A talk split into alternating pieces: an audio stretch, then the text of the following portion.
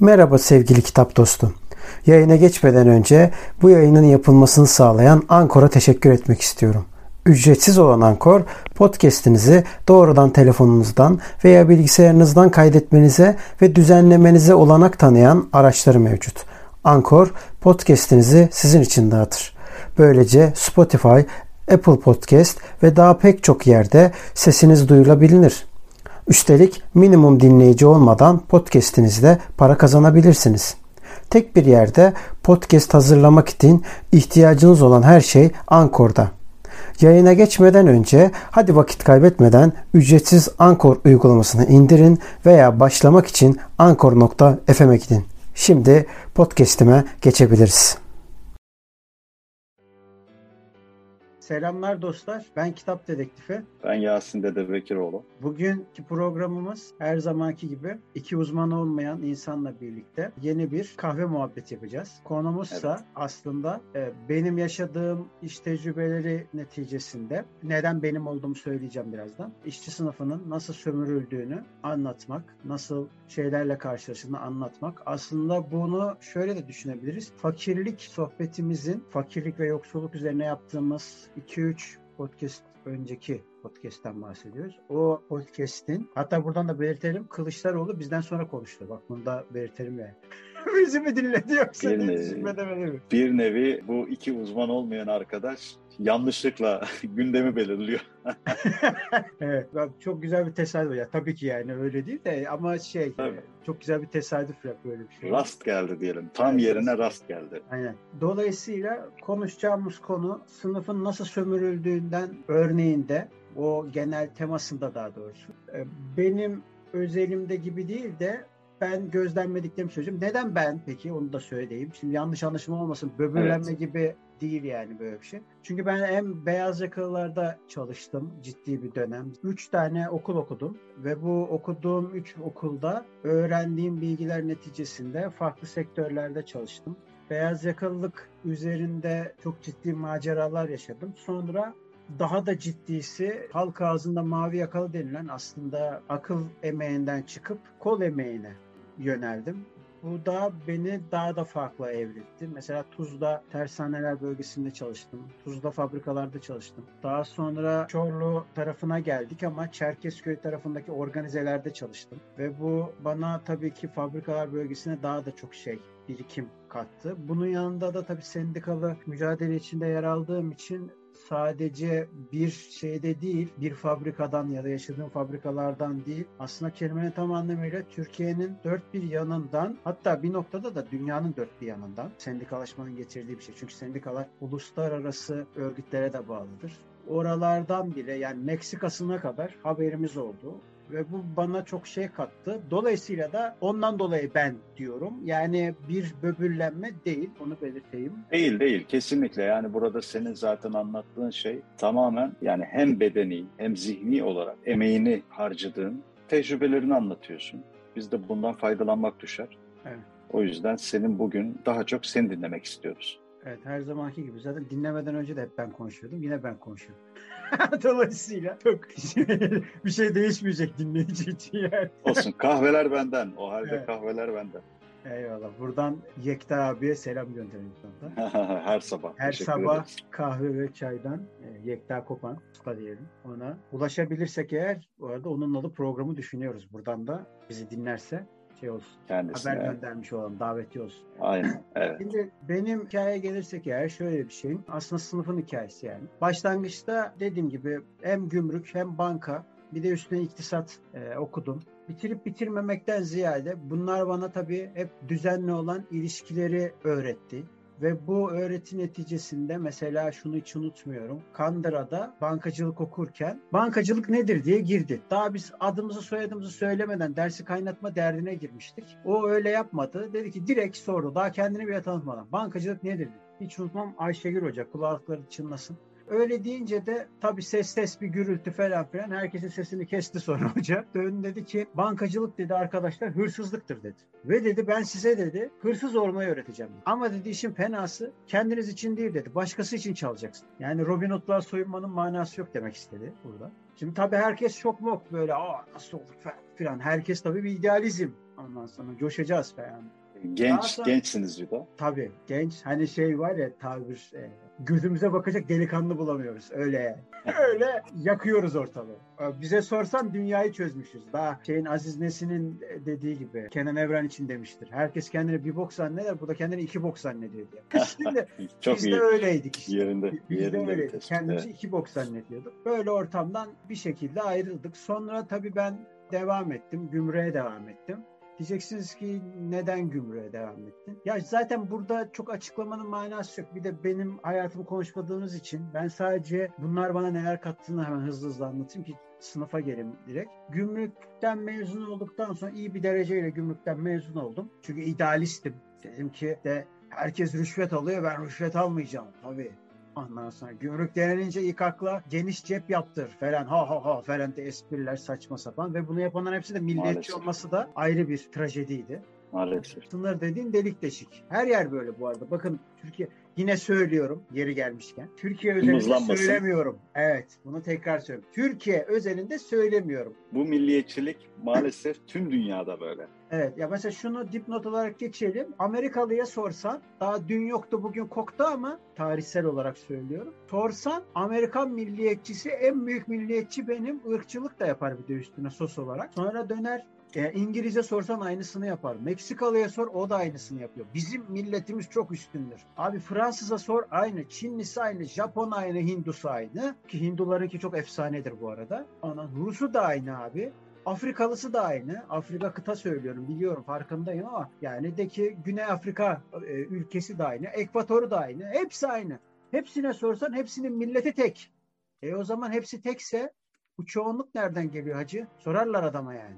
Dolayısıyla böyle bir hikaye var. Şimdi devlet bunlar tabii devlet anlayışımı benim sorgulatmaya başladı. En sonunda tabii gümrükte de çalışmaya başladım. Ben tabii sahada çalışmadım. Ben e, genelde şeydeydim, ofisteydim. Özel gümrük yani gümrük müşavirliğinde çalışıyordum. Gümrüğün kendi yerinde değil. Gümrük sisteminde de şöyle oluyor. A, B karneleri var. B karnesini başta alabiliyorsun. Belirli bir para karşılığında sınava giriyorsun ve sınavı kazanırsan eğer alıyorsun. A karnesini de istisnai açıyorlar. Çünkü çok fazla gümrükçü olmasını istemiyorlar. Neden istemiyorlar? Çünkü çok fazla gümrükçü olursa paralar bölüşülür. Gümrük böyledir çünkü. Çok fazla detay vermeyeyim gümrükle ilgili. Yapanların başı belaya girmez, anlatanın başı belaya girer bizim memlekette. O yüzden Tabii ki. E, hani biliyorsunuz gazeteciler mesela hep öyle gider ya. Haberi yapanı götürürler genelde. Hani tecavüzcü vardır. Tecavüzcüyü serbest bırakırlar ama bunu haber yapanı içeri atarlar. Bizim memleket böyledir. Güzel bir memlekettir yani. Distopyada yaşarız yani. Ee, o yüzden Levent Kırca fazla yaşamasına gerek kalmadı bence. Görevini tamamladı ve gitti bu dünyada. Ondan dolayı. Işte Şahsına konuya... münasır bir memleketiz.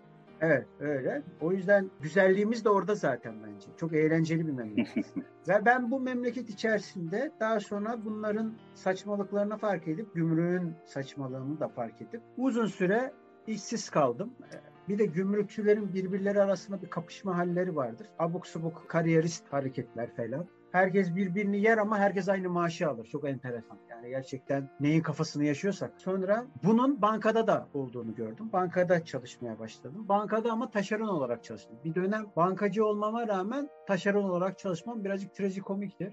Ama öyle oldu ve en nefret ettiğim yerde çalıştım. Nerede çalıştım? Nişantaşı'nda çalıştım. Nişantaşı'nda hayal edemeyeceğiniz kadar karikatür tipler vardır orada. Yani bunlar dünyada mı yaşıyor dersiniz yani öyle tipler. Hani ne derler ona? Biraz jargondan konuşalım. Saçından tırnağına kadar burjuva tipler çalışır orada.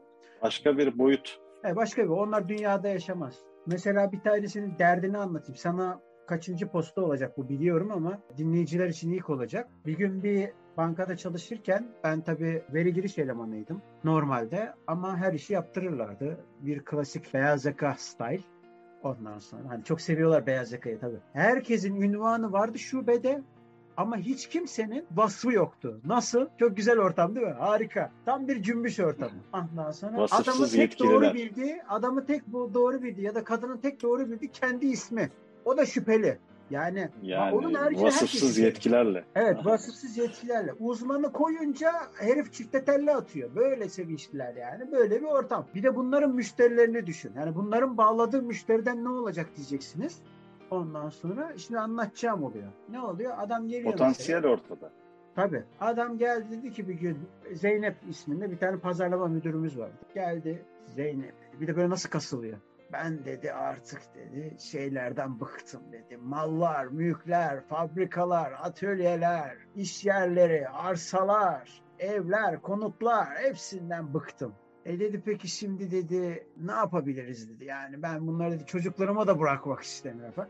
Biz sırada diyoruz ki ulan derde bak diyoruz. İşte hani şey hikayesi var ya zenginin parası fakirin çenesini yorarmış hikayesi var ya. Bizimki ama öyle hikaye değil. Bizimki daha farklı bir hikaye. Bizimki şu. Çok derdin varsa kardeş git Darül Acize'ye bağışla onları. Yani hani bu kadar dert Yani etmeye gerek yok yani. Darüşşafaka'ya bağışla, Darül Ceze'ye Ha, bağışla. evet. Madem Yani- öyle. Bağışlayabilirsin yani. Çok fazla dert etmene gerek. Bize de ver demiyorum yani. Hani böyle bir derdim de yok yani. Çok şükür hiçbir zaman paracı olmadım. Geberene kadar da paracı olmayacağım. O da ayrı bir şey yani. Yani klasik bir laf vardı. Para her şeyi yapan diyen adam, par diyen adam, para için her şeyi yapar gibi. Yani Evet. adamdan kastım tabii ki insan olarak düşünüyor. Onun hesabı. Yani o tarz insanların maalesef dünya görüşleri bu şekilde. Evet ya dolayısıyla da bu anlattıklarımız tabii biraz sert girebilir ama girsin çünkü çok bunlar yaşanan gerçekler yani. Benim küçük kardeşim bile 10 yaşında bir kardeşim var. 10 yaşındaki kardeşim bile bu gerçekleri biliyor artık yani. Ha, bunu benim anlatmamla değil. Saçmalıkları görüyor çünkü yani.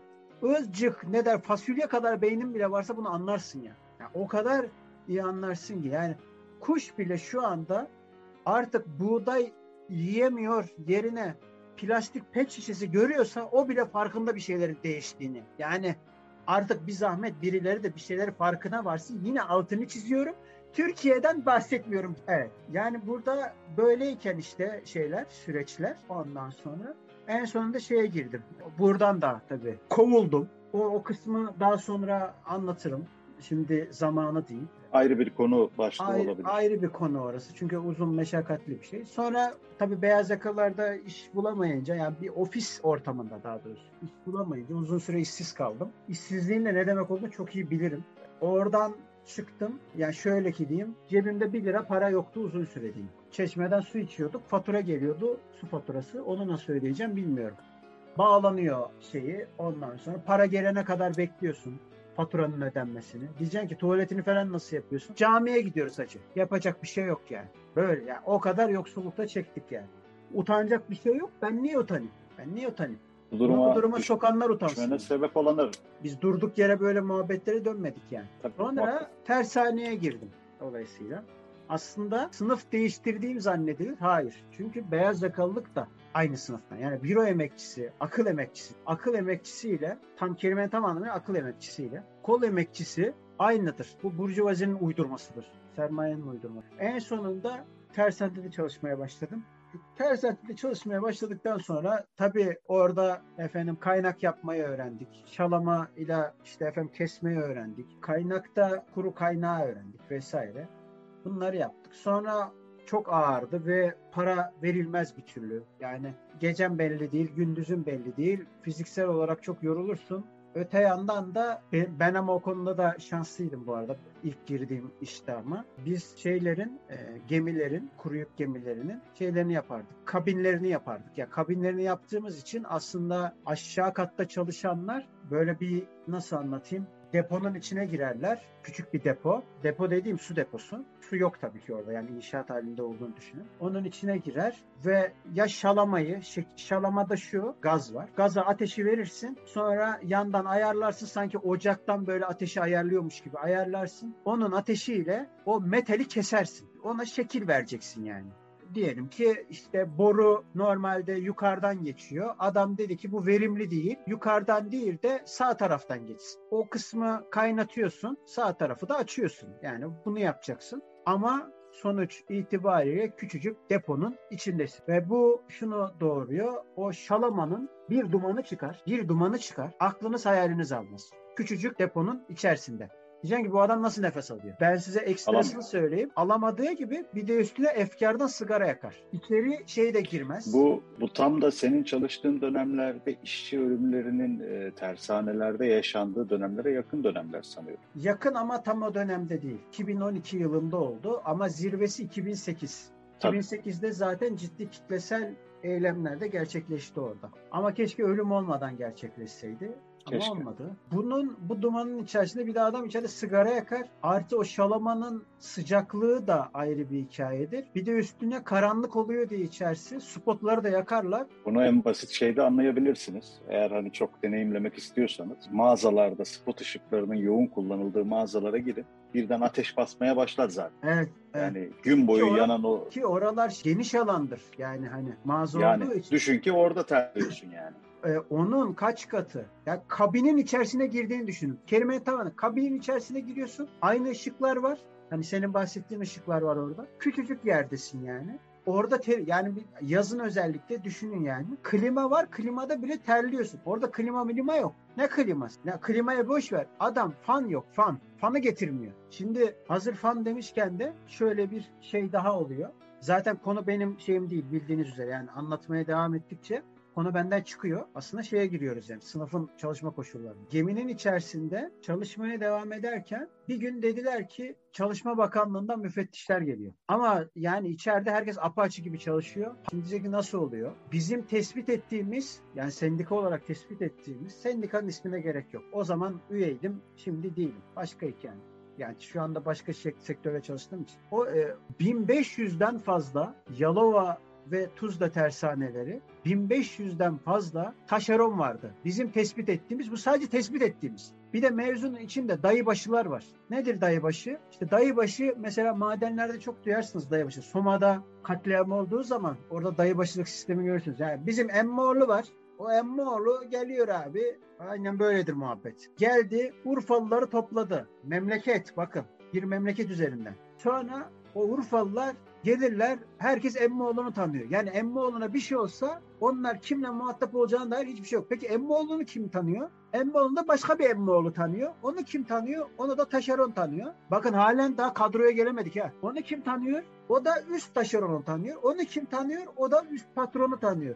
Muhabbete bak. İçeride benim çalıştığım tersanede 5000'den fazla kişi çalışıyordu. Peki kaç tane kadrolu vardı? Kol emeğinde çalışan toplam 50 kişi. Bakın şeyi söylemiyorum. Büro emeğinde çalışan mühendislerden falan bahsediyorum. Zaten mühendisi sen teleskopla göremezsin yani öyle diyeyim sana. Yani sahada çalışan bile seninle muhatap olmaz yani. Öyle diyeyim. Ha, görüyor musunuz ayrımı? Ben Koç'un tersanesinde çalıştım. Tersanede kafe bölümü var. Kafe bölümünü kol emekçisi görmek mümkün değil. Onu mümkün değil. Adamlara Onlara da teleskopla bakarsın. Aralara sırf görmesinler de efendim beyaz yakalılar rahatsız oluyormuş. Koca koca çam ağaçlarını diktiler oraya. Şeyler saksıyla. Çektirdiler onları. Ondan sonra. Biz göremiyoruz onlar bizi görüyor. Ya sanki Nazi kampındayız yani. Böyle ortam. Yemek yiyeceksin. Bu kadar zorlayıcı şartlar. Yani gerçekten hani Türkiye'de işte asgari ücretin ne kadar olması tartışması bugünlerde yaşanırken ya işçilerin bu kadar problem işte mesela yeni havaalanının inşaatında yaşanan şeyler bunlar e, maalesef çok fazla ses getiremiyor. Yani işte toplumsal şey de artık yıpranmaya başladı bu yüzden. Evet aynen öyle aynen öyle. Dolayısıyla da bütün bunlar en sonunda mesela koşullara devam edersem eğer tuvalet ya bildiğin tuvalet yani. Tuvalete kokudan ya girmek mümkün değil kokudan. Mümkün değil yani. Diyeceksin ki hiç temizlenmiyor mu burası? Artık ben temizlendiğine hiç şahit olmadım yani.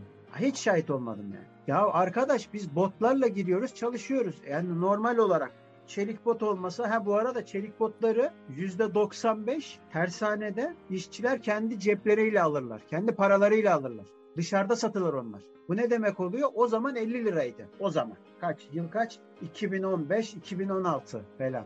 O yıllardan bahsediyorum. O yıllarda böyle çalışıyorsun ve şu anda nasıl olmuştur Allah bilir. Dolar onları da vurmuştur yani. yani. Kesinlikle. Anlatabiliyor Ya kendin aldığın için içeride bu arada şu anda haber geldi 4250 demişler. Bak şu anda Asgari haber geldi. Ücret. Asgari ücreti şu anda haber yayının üstüne geldi yani. 4250 demişler. Ben bunu da yeri gelmişken söyleyeyim. İşsizler ordusu geliyor.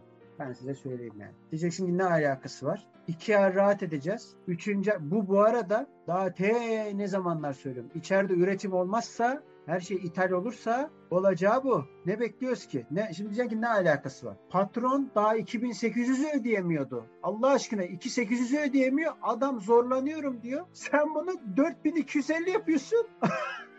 Ödemesini bekliyorsun ha. Abi sen diyor dolarla kazanıyor. Lan dolarla kazanıyor da adam. Sadece ticaret yapıyorsa dolarla kazanmak iyi.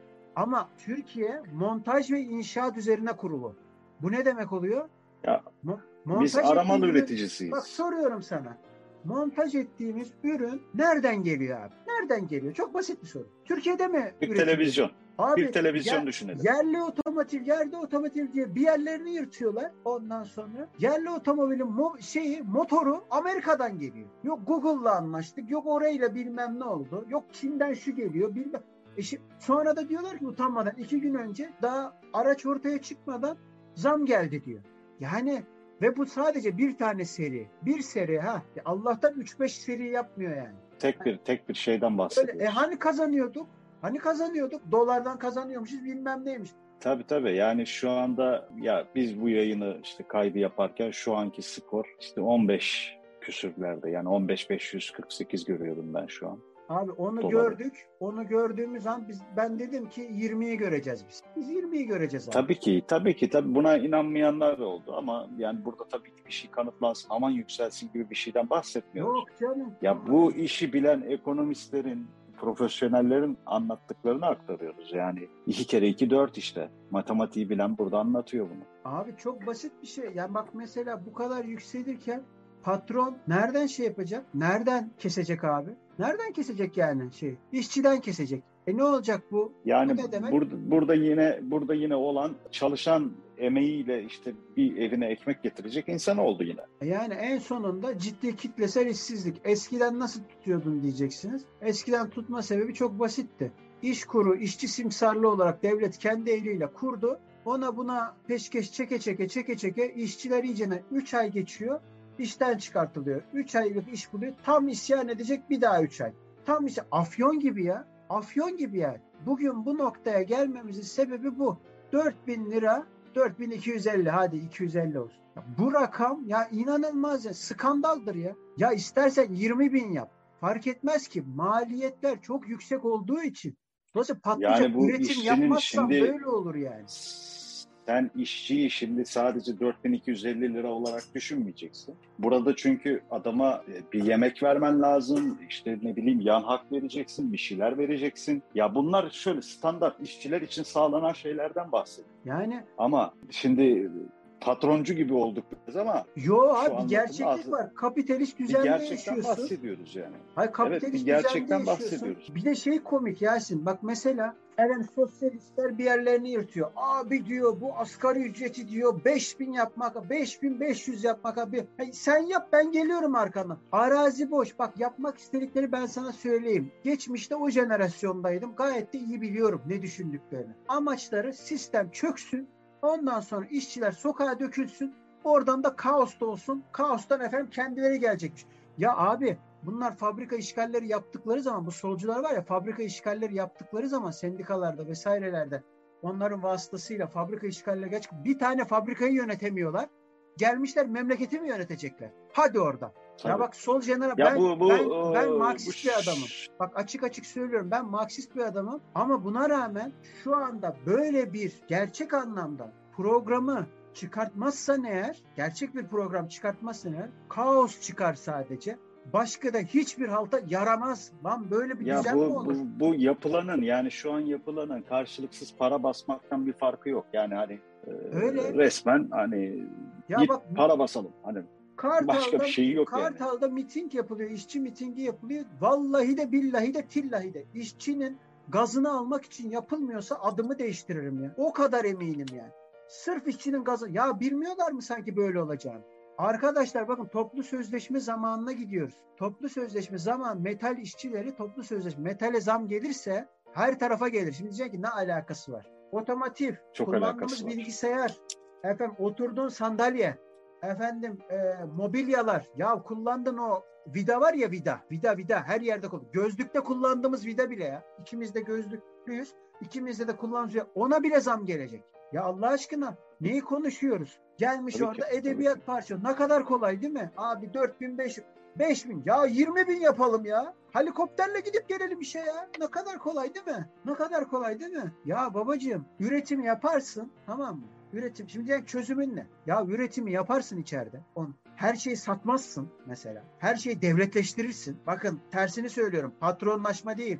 Liberal değiliz biz. Her şeyi devletleştirirsin. Sonra da dersin ki üretimi biz çatır çatır yapıyoruz. Ulan işçiye de 10 bin veriyoruz. Ondan çünkü sonra... üretiyoruz. E üretiyoruz çünkü abi. Hakkıdır. Bir de üstüne şey. Ya hiçbir şey üret. Her şey ithal. Ya montaj yapıyoruz ya inşaat yapıyoruz. Başka yani hiçbir şey yaptığımız yok. Yani üzerinize affedersiniz çok abesle e, iştigal edecek biraz ama giydiğiniz don don. Evet öyle. Don alıyorsunuz. Bazı mağazalardan alıyorsunuz. Uygun fiyatlı alıyorsunuz. Çoğu Made in Turkey yazıyor. Evet. Tamam. Made in Bangladeş yazan var. Hindistan yazan var. İşte vesaire Abi, vesaire. Türk yazsa ne olur? İpi Ama, bile Çin'den hayır, geliyor. Şunu anlatmaya çalışıyorum işte. İçine geçirilen lastik yerli değil. iplik yerli değil. İpliğe rengini veren boya yerli değil. Yani neyi yapıyorsun? Öyle.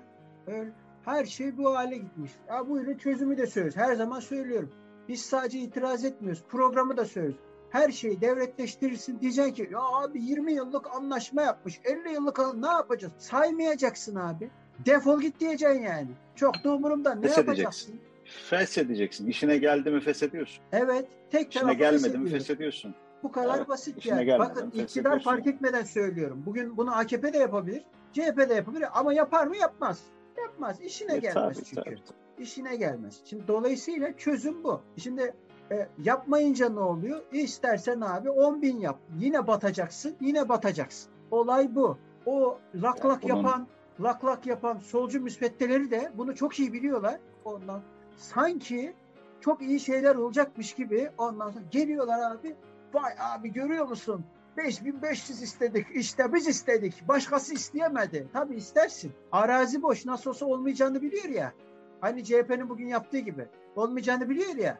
Sık abi. Sık abi. Arazi boş. Yani böyle bir şey olamaz. Böyle bir politika da olamaz. Bunlardan politikacı da olamaz. Şimdi şeye döneyim. Yani bu konuyla bu... direkt alakası var diye bunları anlatıyorum. E, tersanede işte bu koşullarda çalışıyoruz. İnanılmaz derecede şey var. Ayrımcılık var. Ben bu arada sadece koçun tersanesinde çalışmadım. Böyle bir şey yok yani. Hatta koçun tersanesinde kısa bir dönem çalıştım. Taşeron olarak çalıştım. Ya. Başka tersanelerde de çalıştım. En sonunda fabrikaya girdim. Türkiye'nin en büyük cam fabrikasına gittim. Ondan daha büyük yok. Ve orada da %100 taşeron vardı. E, otomotiv camı yapıyorduk orada da. Oraya da patron kendi el, şimdi diyeceksin ki ulan bu kadar büyükse nasıl patron var? E, çünkü hangi isim olduğunu herkes aklına gelir. O yüzden diyorum nasıl patron var sorusunu soracaklar. Orada şöyle genel müdür gibi kişiler var işte. CEO gibi kişiler var. Bir de CEO yardımcıları var. Bu genel müdür GMY'ler yani. GMY'lerin sayesinde içeride çok ciddi bir taşeronlaşma var. Bunlar kendi eliyle içeri sarı sendika soktular. Ne demek sarı sendika? Patron sendikası. Niye bunu yaptı? Çünkü içeriği temizlemek istiyordu. Neden? Çünkü ekonomik durumlar sefalet düzeyine gelsin ki sefalet olduğu zaman hiç kimse sorumlu olarak patronu göstermesin. Onun yerine ne yapsın? En fazla sendikaya göstersin. Bir de o sendika girecek diye şöyle bir taktik yaptı. Dedi ki e, direkt kendisi söylemedi sendikayı ben sokuyorum diye. Onun yerine dedi ki bazı önce işçiler bulalım. Bunlar satılık puşt oluyor bunlar. Ondan sonra satılık puştlar bunlar. Ondan sonra bunlar yatacak yerleri olmayan öldüğü zaman toprağın kabul etmeyeceği kişiler bunlar. Öyle puşt yani. Milleti galyana getirdi. Provokatör puştlar bunlar. Onu milleti galyana getirdi. Bakın sendikalı olmak çok güzel bir şeydir. Örgütlü olmak da çok güzel bir şeydir. Lakin mücadeleci sendikalar bulmanız lazım. Konu bu. Hani siz kurun kurmayın meselesi değil. Konu bunu bulmak. Kesinlikle. Dolayısıyla da sarı sen yani ben bunu söyleyince sarı sendika efendim burada mesela cımbızla çekip bak görüyor musun bir de solcu olacak sendikaları karşısına alıyor. Bu nasıl herif böyle? falan değil yani böyle bir şey yok. Sarı sendikaya karşı içeride mücadele hatta biz içeriye şey sokmaya çalıştık. Sınıf sendikası sokmaya çalıştık. Yani sınıf mücadelesi yapmasına inandığımız sendikayı sokmaya çalıştık. Başarısız olduk. Hatta üstümüze yürüdüler. Kavga çıkıyordu falan filan. Baya böyle bir itiş kakış vesaire. En nihayetinde öncü işçilerin hepsini tespit ettiler. Sarı sendikayı sokanları. Halbuki kendisi sokuyor bakın. Şimdi diyecek ki niye böyle bir şey yapıyor? Sırf şu. Az önce söylediğim gibi bir şey olduğu zaman coşacak olan kişilerin kellesini götüreyim ki sonra bir daha hiç kimse sesini çıkartmasın. Yaklaşık olarak 50 kişi işten attılar. 350 kişi falan vardı şeyde e, fabrikada. 50'sini işten attılar. Ve bunun sonucunda ben zaten bu arada tamamen tesadüf olarak Sarı Sendika geldiği zaman istifa ettim. Zaten içeriden bir şey olmayacağı belliydi. Ama ben işten atsınlar diye çeşitli atraksiyonlar yapıyordum. Onlar atmayınca ben istifa ettim. Ve tam o gün onlar yetkiyi aldı. Böyle bir ilginç bir tesadüf oldu. Sonra ben Çerkezköy'e geldim. Çerkezköy'e gelince tabii Çorlu Çerkezköy hattında. Orada büyük fabrikalarda çalıştım. Diyeceksiniz ki buralarda şeyler farklı mıydı koşullar? Hayır değildi. Burada da aynı. Ha tabii tersaneye göre daha iyiydi. Yalan yok şimdi. Ve lafta kadrolu çalışıyorsun ama taşerondan daha az fiyata çalışıyorsun. İşte daha uzun saatler çalışıyorsun. Yani Ali değil de Veli oldu bu sefer. Yani değişen bir şey olmadı.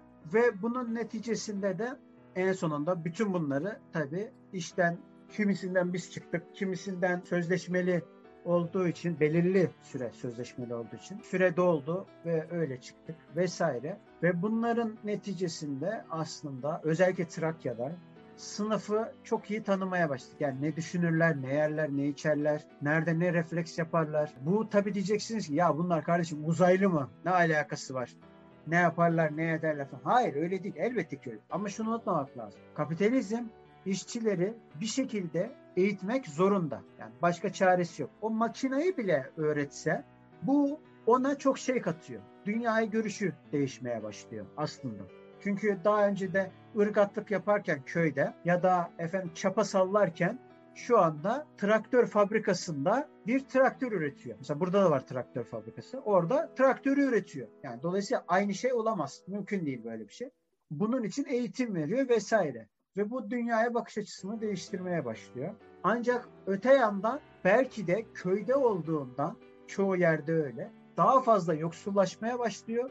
İşin fenası köyde yaşayacak ya da köye gidecek bile parası kalmıyor. Ve bir hapis hayatına dönmeye başlıyor. Ve bu bir paradoks gibi sürekli başa sarmaya başlıyor. Abi bugünü geçirelim de yarına bakarız. Bugünü geçirelim de yarına bakarız.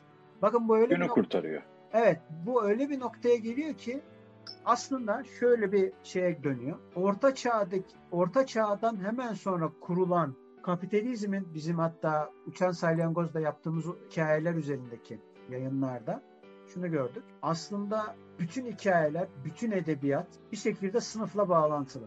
Bir şekilde bağlantılı. Özellikle de dünya klasikleri olarak konuşulan o şeyler, eserler hep bir şekilde şeye bağlı. Sınıf mücadelesine bağlı. Ve orada anlatılanlara baktığımız zaman şunu çok net görüyorsun. Yoksulluk, sefalet, uzun süre çalışmalar, hak gaspları efendim ve ekmeği bile zor bulma. Hani bugün soğan ekmek yeriz edebiyatı yapanlar hayret soğanın fiyatı düştü bu arada. Nasıl oldu? İnanılmaz bir eser yani. Ama öte yandan ekmeğin fiyatı zamlandı. Bugün 6 lirayı konuşuyorlar. Milletin cebinde 1 lira yok. 6 liradan bahsediyorlar. Yani şaka gibi. Dolayısıyla yaşadığımız Ve... koşu belki de şeyden bile daha az. E, o edebiyatta bahsedilen ve yalancı bir şey var baktıkları işte pencerede. Bakıyor diyor ya işte AVM'ler kalabalık, millet yiyor içiyor. Peki ekonomik sıkıntıdan bahsediliyor. Nasıl oluyor bu? Herkes bugününü yarınına borçlu olarak devam ediyor. Öyle kredi yani... kartları borçları inanılmaz derecede artmaya başladı. Bak yıl Yasin'cim yıl 2011'de evet işin başlangıcı 2011'de Ulusal İstihdam Stratejisi isminde bir belge yayınlanıyor. Bu belgeye göre diyor ki her tarafı taşeronlaştıracağız ve aynı dönemde o dönemin Çalışma Bakanı şimdi ismini hatırlamıyorum önemli de değil bir açıklama yapıyor Çalışma Bakanı. Diyor ki Avrupa'nın Çin'i olacağız diyor. Bugün yıl 2021 sonlarına geliyoruz. Hadi 22 de yani. iki hafta kalmış. Eğer bir uzaylı işgali vesaire olmadığı sürece 2022 göreceğiz diye düşünüyorum. Bir o kaldı zaten memleketin başına gelmeye. Neyse bunu şey yaparken e, düşünürken mesela halen diyorlar ki efendim Çin modeli mi olacak Çin mi? La oldu zaten. E oldu zaten. Yıl 2013'ün sonu bakın partinin değil meclisi hazine uzun vadeli. Bak bugün bütçe görüşmeleri konuşuluyor ondan sonra. Bütçe görüşmelerinde 2013'ün sonunda yapılan bütçe görüşmelerinde açsınlar baksınlar. Ya da 2014'ün başı. Yani ikisinden biri. 2013'ün sonu ya da 2014'ün başı. O dönemde ulusal istihdam stratejisinin belgesini meclisin uzun vadeli hazine politikasına soktular. Yani dediler ki biz Allah ne verdiyse her şeyi satacağız. Allah ne verdiyse her şeyi özelleştireceğiz. Allah ne verdiyse bütün işçileri ama bütün yani hepsi hiç ayırt etmeden bakın hani Bodro'da şey yazınca, işçi yazınca e, şaşıran hani çok sevilen kelime beyaz yakalılar var ya onlar da dahil. Evet. Hepsi yani. Evet. Ondan sonra dedi ki taşeronlaştıracağız. Hatta daha da öteye gideceğiz. Kiralık işçilik yapacağız. Nedir kiralık işçilik? Diyordu ki saatlik ücret olarak bugün burada çalışıyorsun yarın öbür dükkan. Ya öbür gün öbür, öbür gün öbür. Bir tane şey var, bir tane firma var. Onun adında sürekli geziyorsun. Ona, nerede çalıştığın belli değil. Patronun bile belli değil. Diyeceksiniz ki Türkiye'de bu tutmadı. Tutmaz. Neden tutmaz biliyor musun? Kadrolular o kadar kötü koşullarda çalışıyorlar ki bakın taşeron demiyorum kadrolular. O kadar kötü koşul artık taşerona da gerek kalmadı. Kiralık işçiye zaten gerek kalmadı. Yani. Aynen öyle. Şimdi dolayısıyla bugün Çin'i konuşuyoruz da ya biz 2011'den beri söylüyoruz bunu. 2011 Yasin 2011 gelmiş bana yeni komple teorisyenler çıkıyorlar konuşuyorlar diyorlar ki abi diyor görüyor musun diyor e, yani diyor düzende diyor herkes değişecek. Yani bir sisteme geçiyor. Ulan ne yeni sisteme geçmesi? Adamlar zaten önceden söylüyorlardı. Van Bros filminde mi yaşıyoruz? Yani. Şey, şey diyorlar yani bir şey deniyoruz. Evet yani şaka gibi ya. Böyle bir şey yok yani bu zaten önceden belliydi. Yani dolayısıyla da tablo böyle ve bu tablonun neticesinde işçiler inanılmaz sefil koşullarda çalışıyorlar. Bakın ben 16 saat çalıştım. Cam fabrikasında haftada en az 3 defa cam fabrikasında çalıştım. 16 saat ne demek biliyor musun 16 Şöyle izah edeyim. Ben bu, bakın demagoji yapmıyorum gerçeği söylüyorum. Asgari ücrete çalışıyordum ve asgari ücrette Bodrum katta bir ev anca tutabiliyorsun. Bodrum katta zeminin altı daha doğrusu Bodrum dedi. Bodrum mu oluyor orası pardon yanlış söyledim. Zeminin altı. Yani. Zeminin Bodrum altında değil. güneş görmeyen bir evde onu kalıyordum. Sabahın köründe çık saat 7'de bizi servis alıyor. Dolayısıyla ben 7'ye çeyrek kala çıkıyorum. Servisi bekliyorum. Güneş yok ortada. Güneş denilen bir şey yok ortada. Evet. Ve akşam 11'de çıkıyorum. Akşam 11'de bakın yine güneş yok. Ondan sonra fabrikanın dışında oturacak yer yok. O yüzden dışarı çıkamıyorum. Ha şöyle bir şey. Oturacak tek yer sigara içilen alan. Sanki sigara içmeyen dışarıda yaşayamaz yani. Dolayısıyla dışarı çıkmıyor. Fabrikanın içindeyim ve fabrikanın içi bildiğiniz gibi kapalı kutu. Hiç güneş görmüyor. Ve ben şu anda şu anda şu yayını yaparken bile hava güneş varsa bile ışığı açmadan duramıyorum artık. Meslek hastalığı oldu bende. Meslek hastalığı oldu. Daha önceden meslek hastalıkları konuşmuştuk. Dolayısıyla tekrar etmek istemiyorum. Psikolojik mi? İyicene şeye döndüm yani. Manyağa döndüm yani. Açık konuşayım yani. Fıtığı falan saymıyorum. Yani o meslek tabii, hastalığı tabii, beden, anlatmıştım e, zaten. E, yani bir beyaz yakalı olarak söylüyorum yani masa başında oturmaktan hastalığım da iyice yükseldi. E şey boyun yani, fıtığı her gün... olur yani. Hani fiziğin yerinde bile olsa boyun fıtığı olur. Hiçbir şey yoksa meslek hastalığıdır bu. Tabii tabii tabii. Yani şu an kendi hastalığımla ilgili yaşadığım problemleri tetikliyor mesela.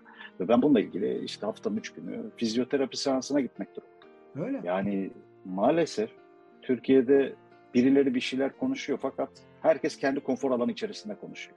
Ha, kesinlikle öyle. Kesinlikle. Sorun burada başlıyor zaten. Senin çalışma yaşantının yani çalışma yaşantın içerisinde yaşadıklarının birçoğunu şu anda birçok işçi maalesef yaşıyor. Hala yaşıyor. Belki 10 sene sonra da yaşayacak, 20 sene sonra da yaşayacak. Bizim çocuklarımız belki yaşayacak. Düzeni dediğin gibi toplumsal ve sınıfsal olarak bir hareketle değiştirmedikçe hep bunu yaşayacağız gibi görünüyor. Öyle ama o farklı konulara giriyor. O yüzden onu daha derinlemesine daha sonra konuşalım. Evet başka Çünkü bir podcast başlığı olabilir. Son dediklerine bazı itirazlarım var. Burada şimdi itiraz edip konuyu iki saate bağlamayalım. O yüzden yok, yok, şey yok. yapalım. Bitirelim yani. Evet dostlar bizde muhabbet çok. Önümüzdeki hafta iki uzman olmayan insanla tekrar görüşmek üzere. Kendinize iyi bakın. Görüşmek üzere.